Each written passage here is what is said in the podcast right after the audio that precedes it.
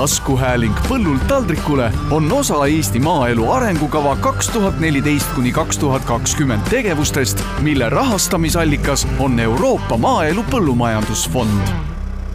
Eesti Põllumajandus-Kaubanduskoja saade Põllult taldrikule räägib Eesti toidust ja põllumajandusest. tea, mida sööd. tere tänases Põllult taldrikule saates räägime Eesti toidu puhtusest ja sellest, kuidas põllumajandus- ja loomakasvatusettevõtted tagavad loomade heaolu ja tervise.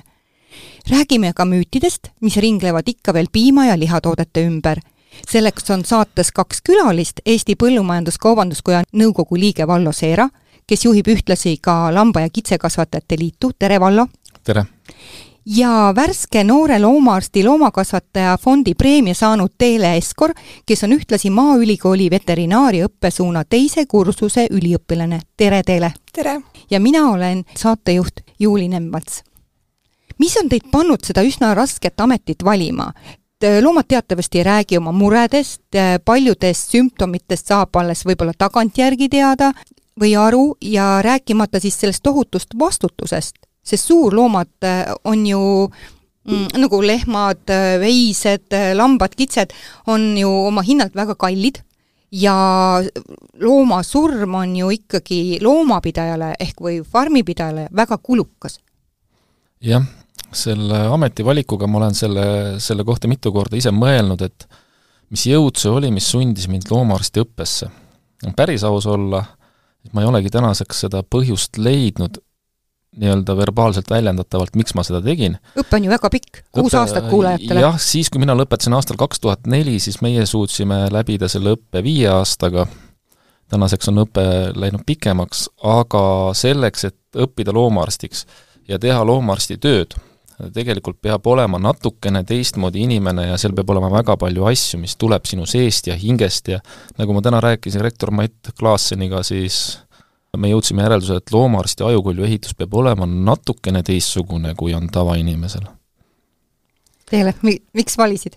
no minu jaoks tuli see valik nagu hästi loogiliselt, sest ma olen kasvanud äh, peretalus, olen kogu aeg näinud, kuidas loomaarst töötab, millal loomaarsti vaja on, miks loomaarsti vaja on, mul ema on tegelikult velskri haridusega ja no ma kandideerisin ja siis ma vist päris täpselt ei tahtnud uurida, et kui raske see õpe on, et nüüd ma lihtsalt elan selle sees siis.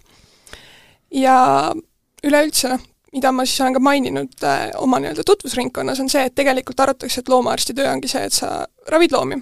tegelikult selle haridusega on ju võimalik hästi palju muud ka teha, ehk siis see oligi minu nii-öelda valik, et äh, loomakasvatust ma ei saanud õppima minna, sest ma kartsin, et aga äkki üks hetk ma ei taha enam põllumajanduses nagu nii tegeleda, nagu ma praegu tegelen. ja siis vett oligi nagu hästi loogiline, et see annab mulle võimaluse kuskile mujale ka minna ja siis nii see otsus tuli. räägime võib-olla selle veterinaari töö iseloomust, et kuidas ta on võib-olla läbi aegade või, või kas ta on muutunud, Vallo, et palju sa näed, et äh, kui sa alustasid loomaarstina, nüüd sa vist enam aktiivse loomaarstina no, aktiivselt ei tegele mm -hmm. praegu jah, mhm. loomaarsti tööga. küll on mõned head tuttavad, kelle karjadest ma hoolt kannan, lihtsalt selleks, et oma käpakesi soojas hoida. aga loomaarsti töö on tegelikult läbi aegade kui mina lõpetasin kaks tuhat neli, siis sellest ajast siiamaani on ta ikka oluliselt muutunud.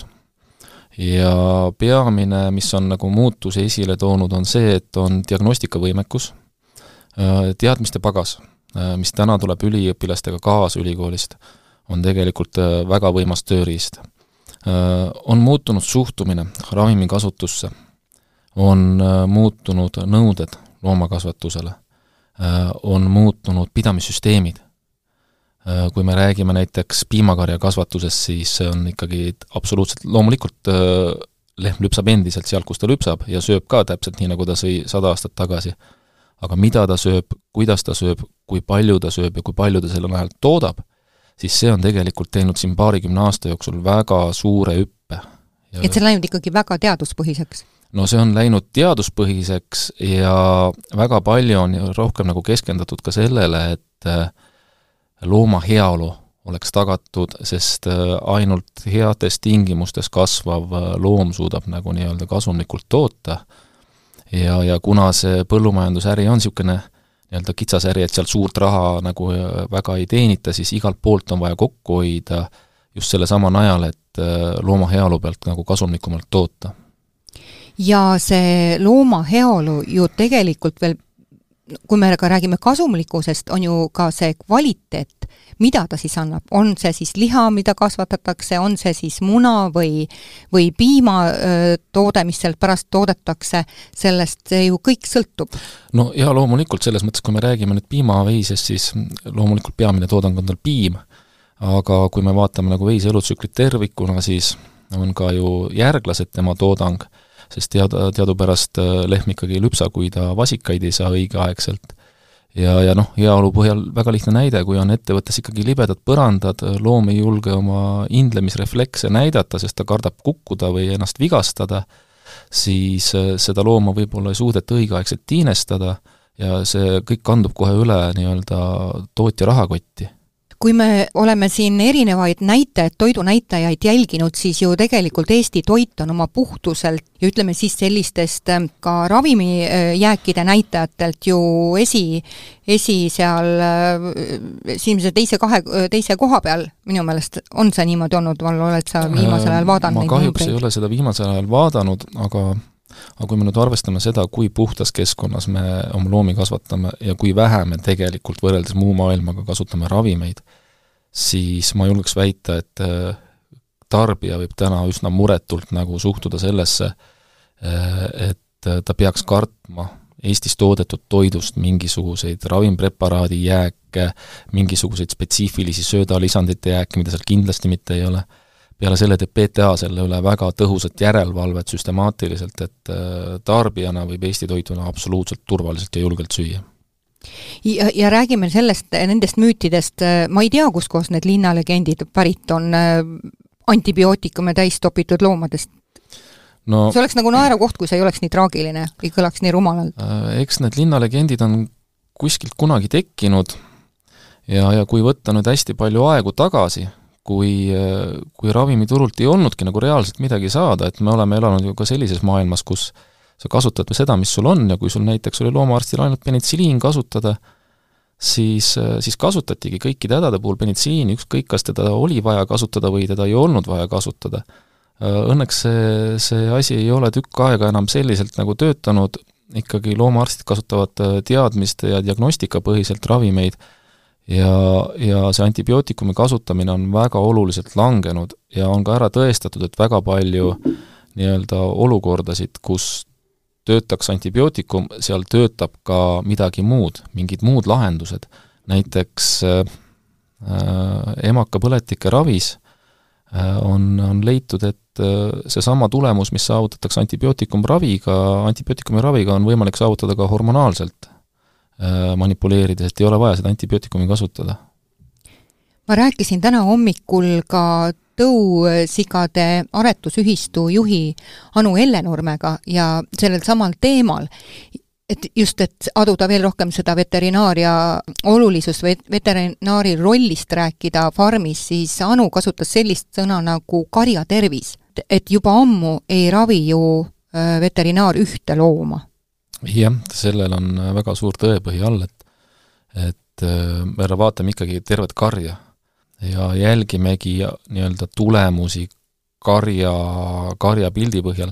näiteks ma mäletan, kui ma ise veel tegin aktiivselt piimakarjaga ettevõtetes loomaarstitööd, siis enne, kui ma jõudsin ettevõttesse, siis karja tervise kohta andis mulle ülevaate lõhn, mis ettevõttest tuli tõsi või? ja see on, see on väga, väga lihtsasti seletatav selles mõttes, et veised on ju mäletsejad, kelle põhisööt on rohusööt ja kõrgema toodangu saavutamiseks siis tuleb nagu lisada sinna rohkelt äh, jõusöötasid, tärkliserikkaid äh, söötasid, proteiinisöötasid, näiteks rapsikooki või sojat, ja kui nüüd ületatakse see hea tasakaal, et kontsentraatide ehk siis jõusööda kogus suureneb niivõrd palju ratsioonis, et see mäletseja, kiuseedija ei suuda enam olla mäletseja, vaid ta maod hakkavad äh, tööle natukene teistmoodi, sest ta jõusööda koormus on nii suur, siis lehmalauda juurde tekib sigala lägahais. ja kui sa sõidad territooriumile ja tunned, et lägahais on üleval, siis sa tead juba, millega sa peaks hakkama tegelema ja tegelikult seda teevad kõik loomaarstid ja loomakasvatusspetsialistid, sa tajud, sa tajud, kui ettevõttes liiguvad silokoormad. sa, ta tuleb vastu, tal on mingi spetsiifiline lõhn. Kas seal on piimhappelõhn, on hea silo, kui on natuke roiskum läinud, näiteks võihappelõhn, tähendab seda, et on parameetrid natuke paigast ära. sa pead tajuma seda kõikide oma meeltega. kas seda teadmist saab Maaülikoolist praegult? Ma nüüd äh, just olles läbinud siis äh, loomakasvatuse eriala, nii-öelda siis, mis koondas siis äh, endas veiseid, sigu, hobuseid, lambaid, siis hästi palju me rääkisime nii-öelda sellest, kuidas siis loomi peetakse, üldiselt kiirelt, aga ikkagi, ja meile rõhutati seda, et kui te lähete lauta, siis te peategi, või noh, looma, loomapidamishoonesse, et siis te peate tajuma, milline õhk seal on, et kas sul on endal seda hea hingata, lõhnad, üleüldse vaatad, on ju, et ma ei tea, laes on näiteks tolm, et siis hobuste jaoks on see kohe suureks probleemiks, peistelauta minnes, kui seal on hästi palju potentsiaalseid äh, ohutegureid, kus loom võib ennast vigastada, et see kõik peab sulle silma jääma. samuti loomaarsti nii-öelda õppekavas meid siis praegu vanemad tudengid hoiatavad, et söötmisõpetus on päris suur kirves. ja see võib tunduda nagu imelik, et loomaarst on ju, et miks sina õpi-, õpid, kuidas loomi sööta siis tegelikult ju sööt on see põhiasi. sööt on see, kus mis hakkab või... ka probleeme pärast tekitama. sööt on see, et mis teeb selle looma nii-öelda heaolu, tõstab üles või viib selle tohutult alla selle söötmise kohta veel võib-olla niimoodi, et äh, kui sa ütlesid, et äh, söötmisõpetus võib olla tohutu kirves, äh, siis minu söötmisõppejõud professor Kärt, ma olin enne ülikooli õppinud tehnikumis, ja siis talle, ta ütles mulle, et talle meeldivad tehnikumist tulnud poisid sest nende nahk on nii paks, et neid võib peksta. ja ma käisin söötmiseksamil, äh, ma arvan, et äkki kuus korda, aga mitte sellepärast, et ma ei, äh, ei pädenud, vaid äh, Kärt ütles, ma näen sinus potentsiaali, sa pead saama veel paremaks, tule ikka uuesti, teeme, teeme veel poolteist, kaks tundi seda jutuajamist. ja see, et loomaarst jagaks söötmist une pealt, ta ei pea, ta ei pea jooksma ratsioonid näpus ringi, aga see, et karja tervise seisukohalt oskaks ratsiooni hinnata, see on ülioluline. isegi kui ta ise ei ole söötmisspetsialist, ta peab saama aru sellest. paljud loomakasvatajad on hakanud rääkima, et eh, veterinaaride puudusest. kuidas selline olukord on tekkinud või, või on hoopis parem öelda, tekkimas? no veterinaaride puudus on tegelikult eh, väga suur probleem ja siin on päris mitu asjaolu, miks see praegusel hetkel niimoodi on. esimene asjaolu on see, et et äh, väga populaarne on olnud vahepeal loomaarstiõppes äh, suunduda nii-öelda väikelooma suuna peale. Äh, praegu ja väikeloomakliinikud tekib ikka veel nagu seeni pärast vihma? jah, ega, ega ka loomaarsti äri on äri. Teine asi on see, et kui me räägime siis suurloomaarstindusest, siis see on väga raske ja ropp töö. Seal makstakse lõivu pere arvelt, seal makstakse lõivu tervise arvelt ja täna on praegust üks väga suur probleem veel sellest, et kui umbes kolmkümmend viis tudengit võetakse loomaarstiõppesse aastas vastu eestikeelsetesse rühmadesse või nii-öelda Eesti, Eesti õpi-, õpp-, õppureid, siis väljalangemine koolist on väga suur. seda on kurb kuulda, sest et teile, kuida-, kui palju oli siis ühele kohale, kui sina kandideerisid kaks aastat tagasi? kümme inimest ühele kohale. eks, ja siis valitakse välja sellise sõelaga ja sealt kukub nii palju välja jah, minu ajal oli kaheksa inimest ühele kohale, aasta oli üheksakümmend kaheksa. aga lihtsalt see maraton, see kuus aastat, see võtab läbi või mis? Äh, ma diskuteerisin või arutasin äh, rektor Mait Klaaseniga sellel teemal täna hommikul, et äh, mis tema arvab, mis see põhjus on. ja tuuakse välja seda, et õppurid, kes lähevad loomaarstiõppesse, tegelikult ei oma ettekujutust mida tähendab loomaarstiõpe, mida tähendab olla loomaarst, mida tähendab loomaarstiks olemine tervikuna. et äh, mulle meeldis väga üks süsteem, mis on kasutusel Ameerika Ühendriikides, ma peale loomaarstiõppeid Eestis, loomaarstiõpinguid Eestis läksin Ameerika Ühendriikidesse Cornelli ülikooli juurde natukeseks õhku nuusutama. ja seal oli niisugune süsteem, et äh, selleks, et üldse loomaarstiõppesse saada, selleks pidi kandidaat töötama aasta otsa kõigepealt loomaarsti abilisena. väga ideaalne mõte. ja täpselt äh, Mait Klaaseniga me jõudsime täna sellele järelduse, et tegelikult oleks vaja meil ka juurutada, et see nii-öelda väljalangemiste hulk teha juba selles esimeses äh, reaalelu nii-öelda etapis ära, sest tõesti, võib-olla see inimene muidu teeb seda ju ülikool, eks, ja kalli maksumaksja raha eest. jaa, ja seal ongi su-, kõige suurem lugu see, et väga paljud õppurid ei suuda leppida sellega, et nad on selle ravi juures abitud, sest lihtsalt kõiki asju ei saa remontida. Nad ei suuda leppida selle verega, nad ei luba, suuda leppida selle surmaga, selle traumaga, selle psüühilise piinaga, sellega, kuidas sa pead minema loomaomaniku juurde ütlema, et see, see loomake nüüd tuleb hukata. et meil ei ole mitte mingit muud varianti, sest äh, me võime teha kõike, välja arvatud seda, et me põhjustame loomadele piinasid. me ei tohi loomi piinata. Ja ka hukkamine või eutanaasia on siis loomaarsti töö üks osa ja see on paljudele vastuvõetamatu, nad ei saa sellega mentaalselt hakkama ja see on ka üks põhjusi, miks kukutakse loomaarstiõppest välja, sest kui, kui kenad inimesed on näinud ilusaid hobuseid, kiisusid, kutsusid ja mõtlevad, nendest peavad saama maailma kõige ägedamad loomaarstid, siis on see väga õilis ja tore mõte, aga reaalelu toob Nad ei näe seda teist poolt, nad ei ja saa mm, -hmm. ja nad, reaalelu toob nad kahe jalaga maa peale tagasi. Kui me rääkisime sellest Maaülikoolist õppimise perioodist, kas see praktika baas on piisav? näiteks millega üliõpilane kokku puutub, et kas te saate nagu seda praktilist asja ka, seda poolt nagu ma piisavalt? võin tuua enda põhjal praegu näite, et ma siis olen nii-öelda teisel aastal, ehk siis ma olen poolteist aastat käinud ülikoolis ja minu praktiline kogemus nii-öelda siis selle loomaarsti tööga on olematu, sellepärast et kooli poolt oleme me praegu käinud vaid vaatamas korra katsefarmi, korra hobusetalli, korra ühte veisefarmi veel, ja need, kes tahavad siis nii-öelda saada seda kogemust, et siis sul ongi võimalus, et sa lähed töövarjuks, mõni käib tööl, see on see võimalus ja järgmised nii-öelda praktilised kogemused tulevad alles kolmandal kursusel. kas see ei ole natukene hilja? ma lihtsalt ise mõtlen. no tegelikult ongi seesama asi, millest me just ennem rääkisime, et see esimene mats tuleks kohe nagu alguses kätte saada.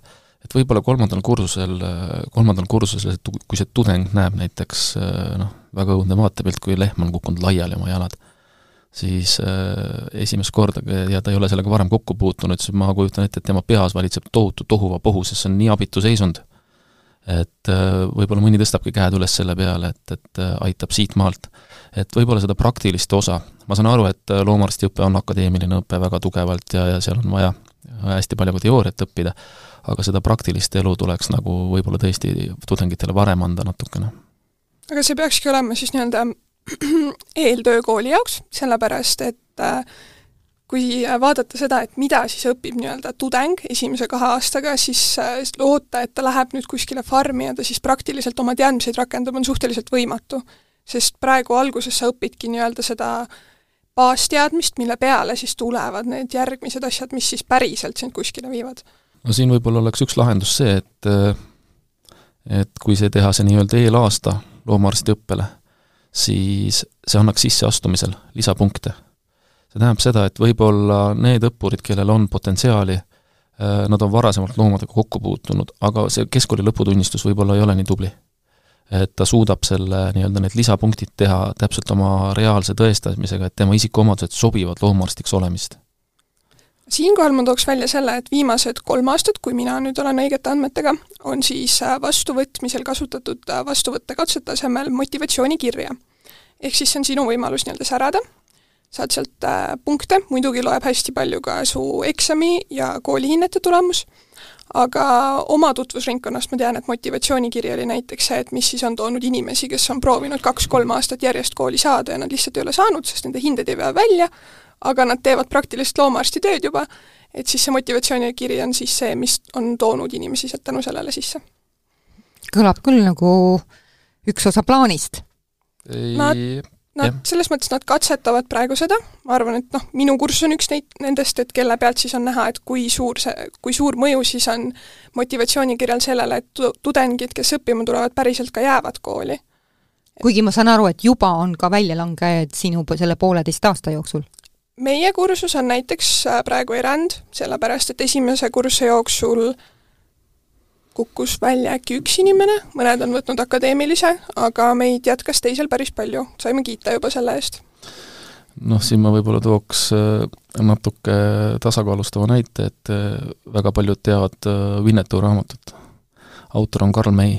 raamatus on kirjeldatud äh, metsikut läänt ja indiaanlasi ja Karl May ei olnud oma elu jooksul kordagi linnast väljas käinud ja elas Saksamaal. jaa, ma olen ka paraku selle kurva tõsiasjaga täiesti kursis. Et äh, loomulikult motivatsioonikiri võib nagu väga palju toota, aga motivatsioonikirjast osa näpud lähevad üle mm. -hmm. Teele, sa osaled ka Eesti Veterinaarmeditsiini Üliõpilaste Seltsis, et millega see selts tegeleb? Eesti Veterinaarmeditsiini Üliõpilaste Selts ehk siis EVÜS äh, koondab endas siis esimese kuni kuuenda kursuse üliõpilasi ja liikmeteks on ka hästi palju vilistlasi. ja põhiliselt siis seltsi eesmärk ongi pakkuda erinevaid loenguid, mis siis jäävad nii-öelda kooli nagu käeulatusest välja, et näiteks meil on tulemas nüüd vilistlaste jututuba, tegime kirurgiaringi, ehk siis õppisime kliinilisi õmblemisi. Et see on selline asi, millega sa puutud alles hiljem kokku, aga et kui seda nii-öelda esimese-teise kursuse tudengitele, kes kuskil raamatus peadpidi on kogu aeg olnud, et see annab sellist motivatsiooni juurde. ja samuti annab see ka võimaluse siis suhelda teise, teiste nagu kursuste inimestega, kellega sa muidu kokku ei puutu Vallo, juba viis-kuus aastat tagasi on kõlanud veterinaaride hääled, et riik ei eralda Maaülikoolile piisavalt rahalisi vahendeid, et ei suudeta tagada kvaliteetset väljaõpet, kuidas praegult on olukord, et milles sektoris äh, räägitakse? jah, täna hommikul pidasin väikse konsultatsiooni sellel teemadel, sellel teemal, äh, kuna ma teadsin, et see küsimus on tulemas, siis tõesti, täna on äh, suur puudus rahast kliinilise õppe poole peal. ja täna on circa circa, kui ma nüüd peast õieti ütlen, kolmsada, kolmsada viiskümmend tuhat eurot aastas selle jaoks ette nähtud, äh, Soomes on näiteks see raha circa kaks miljonit, äh, sama koguse tudengite jaoks, ehk siis see rahavahe on nii suur, äh, ilmselgelt kliiniline õpe on kallis, väljasõidud, vahendid, purunenud vahendid, juhtub, sest tudeng peab saama ju seda asja näppida ja, ja kui ta seda esimest, teist või kolmandat korda teeb, siis need võivad kaduda, puruneda, mida iganes, need on töövahendid, mille jaoks kulub raha. Äh, maaülikooli poole pealt pakuti mulle täna välja niisugune number, et see võiks olla seitsesada tuhat eurot aastas vähemalt, selleks, et, äh, selleks, et seda asja nagu natukene paremini rahastada. kuigi äh, kõige suurem probleem on ikkagi endiselt seesama tudengite väljalangemine, circa viiskümmend protsenti sest isegi kui selle kolmesaja, kolmesaja viiekümne tuhandega minnakse nii-öelda tööle, siis kui me kaotame poole lõpetajatest, siis äh, see raha on tegelikult ju korstnasse läinud. täiesti nõus. kuidas ülikool ise näeb, et millal ta on valmis neid äh, sisseastumise tingimusi kuidagi kaasajastama? selle kohta kahjuks mina ei oska, ei oska vastata, aga aga härra Mait Klaas ütles, et see seesama eelaasta idee, mis ma talle pähe istutasin, ütles, et see on üks kuratlikult hea idee, et miks sa mulle varem seda pole rääkinud? no jääme siis lootma, et eh, head ehm, mõtted idanevad edasi otsustajate peades, aga ma tahtsin ühe sellise teema veel lauale tuua, et ma tean, et uus aruandeperiood, mis siis määrab eh, kogu Euroopa Liidus seda üldist ehm, põllumajanduspoliitikat, on väga palju seda aruannet ja aruandlust eh, sidunud, mida nüüd nagu näiteks peaks tegema loomaarst, eh, sidunud ka nende toetuste maksmisega. Vallo, on sul eh, ülevaadet, kui palju tõuseb üldse veterinaari töö maht tänu sellisele asjale? no põhimõtteliselt ma arvan, et mitte keegi ei oma päris täpset ülevaadet sellest, aga see on juba täna, on väga suur ja see suureneb veel kui siiamaani on peetud nagu loomaarsti klassikaliselt selliseks inimeseks, kes tuleb objektile, näiteks selle looma juurde sinna, teeb oma menetlused ja lahkub ja siis ta on justkui läinud äh, loomaomaniku või farmi, farmiinimeste pilgu alt ära, et tema töö oleks nagu tehtud. tegelikult see loomaarst võtab kätte, teeb oma ravimiaruanded, täidab ravivihikud, äh, peab oma ravilaua arvestust, puhastab riistad, äh, pakib enda rõivastuse kokku, vajaduse korral käib veel saunas, mis on mõnes ettevõttes nõutud, et loomaarst ei lähe ilma saunata, ei tule ilma saunata, ei lähe ilma saunata. no Sigalates on see täiesti no täpselt seda, seda ma just mõtlesin ja kui veel on halb päev, siis saad loomakasvatusettevõtte juhi käest ka sauna kätte. et äh, tegelikult loomaarstide töö äh, selles äh, pidevas paberimajanduses on muutumas järjest raskemaks. ammu ei ole loomaarsti töö põhiosa enam loomade ravimine. suur osa sellest on nii-öelda kogu karja tervise haldamine, raviplaanide koostamine, konsulteerimine söötmisspetsialistidega, farmi nii-öelda juhtivkaadriga, ja, ja raviosa tegelikult sellest tööst on järjest vähenev, sest paberitööd ja kõike muud säärast on väga palju. kui vaadata nüüd võib-olla seda Eesti loomakasvatuse sektorit võrrelda näiteks muude riikide, Euroopa Liidu riikide põllumajandusettevõtetega, et kuidas meie loomade tervis on? Kas sellist ülevaadet meil üldse on, et kas meil on nagu keskmiselt terved loomad või meil on ma pigem julgeks öelda, et meil on äh, loomad tervise seisukord parem kui keskmises, äh, keskmises äh, Euroopa karjas. ja seda peamiselt sellel põhjal, et Eestis on väga palju, kui me räägime nüüd veisekasvatusest, siis on väga palju suuri farme, kes on teinud tohutu töö ja panustanud sellele samale looma tervisele, heaolule, kuna me oleme oma toetuspoliitikas olnud suhteliselt maas muust osast Euroopast, siis me oleme pidanud targalt tegutsema selleks, et terve loom suudaks kasumlikult toota. meie piimatoodang on üks Euroopa kõrgeimaid ja see saab tulla ainult äh, puhtalt hea tervise arvelt, sest need loomad on nagu viimase peale välja häälestatud viiulid, et kui sa midagi seal valesti teed, siis see loom läheb katki lihtsalt. ja ta ei tee, ta ei tooda sulle enam mitte midagi.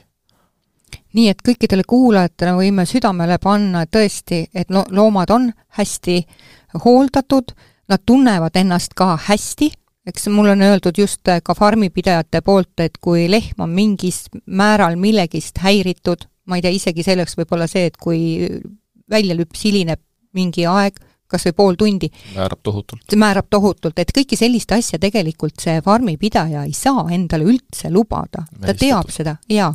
või, või mingit muud moodi, et kas on seal keegi häirib, ma ei tea, kas või võõrad inimesed laudas, et see kõik tegelikult mängib selles piimatoodangus kohe suurt rolli. Et mul on isegi öelnud Nopri ähm, taluperemees, et kui midagi nende laudas on äh, juhtunud, siis küsib kohe kõrval meierei, helistab neile, küsib, aga mis teil praegult juhtus seal, et nad näevad täpselt, ära selle, jah, jah. et see on ikkagi väga õrn ja seotud ühine süsteem. jaa, see ongi, see ongi tegelikult terviklik süsteem, mis peab äh, ühtlaselt toimima. näiteks sellesama looma mugavuse ja heaolu pealt jälle lüpsilehm, Iisrael maailma kõige kõrgema piimatoodanguga riik, äh, lehmad on äh, vabapidamise alal kaksteist ruutmeetrit looma kohta. See on päris suur pindala. ja neil on üks reegel, mitte keegi ei tohi minna lehmi segama, lehmad peavad saama olla rahulikult oma enda chillis elus ja tiksuda vaikselt, ainult siis, kui nad tuuakse kas lüpsile või käib seemendaja grupis neid seemendamas. aga seda, et seal keegi ringi töllerdaks, mingid traktorid, koerad, kassid, uudishimulikud külainimesed, halloo, seda ei lubata. loom peab saama olla rahulikult elada oma elu ja ajada oma lehmaasju jaa, meil on veel üks teema siin rääkimata, et kui me loetlesime üles kõik need veterinaarile oodatavad kohustused või ülesanded, et kui palju on see ka siis selles töötasus? avaldub. kas see täna on nagu konkurentsivõimeline? see on äh, seinast seina, selles mõttes, et äh, on ettevõtteid ja organisatsioone, kus äh, loomaarst on loomaarst, farmijuhataja, seemendaja ja teeb kõik asjad ära, mis on, mis on vaja teha selleks, et ettevõte elus püsiks ja saab selle eest võib-olla natukene rohkem kui Eesti keskmist palka on ettevõtteid, kes äh, väärtustavad oma loomaarste väga kõrgelt ja tõesti maksavad äh, neile ka õiglast töötasu, aga on üsna levinud niisugune suhtumine loomaarstidesse, et nad on natukene üleharitud laudainventar. et äh, ma olen seda tajunud mitmel korral, ma ei taha üldistusi teha, et see igal pool niimoodi oleks, aga sellist suhtumist on esinenud, et äh, me peame siiski täna vaatama loomaarsti ja loomaarsti kutse peale natukene laiema pilguga, et loomaarst ei ole ainult see mees, kes või naine, kes käib äh, laudas äh, süstlaga või, või siis stetoskoobiga või skalpelliga ringi või mis tahes instrumendiga, vaid loomaarst on see, kes peaks nagu tervikuna vaatama kogu süsteemi. täiesti nõus ja lõppude lõpuks on see ju kõik päädib sellega, mis on meie toidulaual. et see nii otseselt seotud. jah, loomulikult ja siin ongi nagu väga oluline see, et kui loomaarstid saavad tegutseda selliselt, nagu loomaarst peab tegutsema, tema peamine ülesanne peaks olema siis ennetada probleeme. et ta tajuks ära, kus kohast meil võivad teha, tekkida kitsaskohad, kus kohast meil võib äh, toodang langeda pidamistingimuste tõttu, kus kohast on meil nakkushaiguste risk, millal me ei lase mitte kedagi oma farmi territooriumile, kuidas me teeme oma bioohutuskavad, et kui loomaarstil lastakse nii-öelda vabalt tegutseda, siis äh, seda väiksemate ravimikuludega me tegelikult suudame asju hallata. meil hakkab äh, saateaeg ühest küljest üles, ümber saama, kas on ka veel midagi sellist, mis meil täna jäi tegelikult siia lauale panemata, mingi teema või vaatenurk? ma tahaks öelda seda, nii-öelda inimesele, kes siis ei ole kursis sellega, mis siis toimub loomade juures, et äh, antibiootikumi teema. et arvatakse hästi tihti, et seda siis nii-öelda leidub toidus, aga olles nii-öelda kasvanud piimakarja juures, siis ma väga hästi tean seda, et kui lehm on antibiootikumi ravil, siis äh, tema piimal on keeld, tema lihal on keeld. kui antibiootikumi ravil olema lehma piim satub jahutajasse, siis äh, sellest ei saa teha juustu, sest see piim ei kalgendu see nii-öelda loomakasvataja jaoks on see põhimõtteliselt maailma lõpp, sellepärast et sa pead maksma selle piimaautode piima kinni, kui sinu farmist on sattunud praakpiim üldpiima. ja lihadega täpselt samamoodi, et lihad kontrollitakse pidevalt, et äh, inimene võiks nagu mõelda sellele, et tegelikult see, et nüüd ma joon seda piima ja ma kujutan ette, et seal on need antibiootikumid, see on ebareaalne, et pigem mõtle sellele, et kui sulle perearst kirjutab iga väikse külmetuse peale antibiootikumid, on ju, et äkki probleem on sinus väga hea mõte. ja võib-olla täienduseks veel nii palju, et absoluutselt igast äh, koormast, piimast, mis läheb äh, karjakasvatusettevõttest piimakombinaati, enne mahalaadimist äh, tehakse antibiootikumi testid. et seda koormat ei lasta enne mahagi laadida, et see on nagu väga tugevalt kontrollitud. Ja ma arvan, et see antibiootikumi jutt on, meie toidus on antibiootikumid, on väga tugevalt ülepaisutatud. see on väga tugevalt meil kontrollitud seda ei esine. me ei tea, mis meil tuleb riiki sisse, mis toitu, milliste, milliste hieroglüüfidega liha kuskilt võib tulla. Äh, aga meil toodetud toit on kindlasti kvaliteetne ja puhas. Äh, ma võib-olla lõpetuseks tahaksin lisada, lisada kaks niisugust äh, ääremärkust, et on ammu kindlaks tehtud, et inimesed peaks tarbima toitu, mis pärineb umbes kahesaja kilomeetri raadiusest ümber tema kodukoha. see on sellele inimesele nagu geneetiliselt kõige sobivam ja vastuvõetavam teine asi on see, et kui me räägime loomaarstindusest, siis äh, minu ülikooli ajal professor Jaagup Palaots, kes õpetas meile episodoloogiat, nakkushaigusi, korrutas pidevalt, et arst ravib inimest, loomaarst ravib inimkonda läbi toidu. loomaarst tagab selle, et toit on kvaliteetne, puhas ja söödav ja ohutu aitäh, Vallo, need on väga mõtlemapanevad sõnad.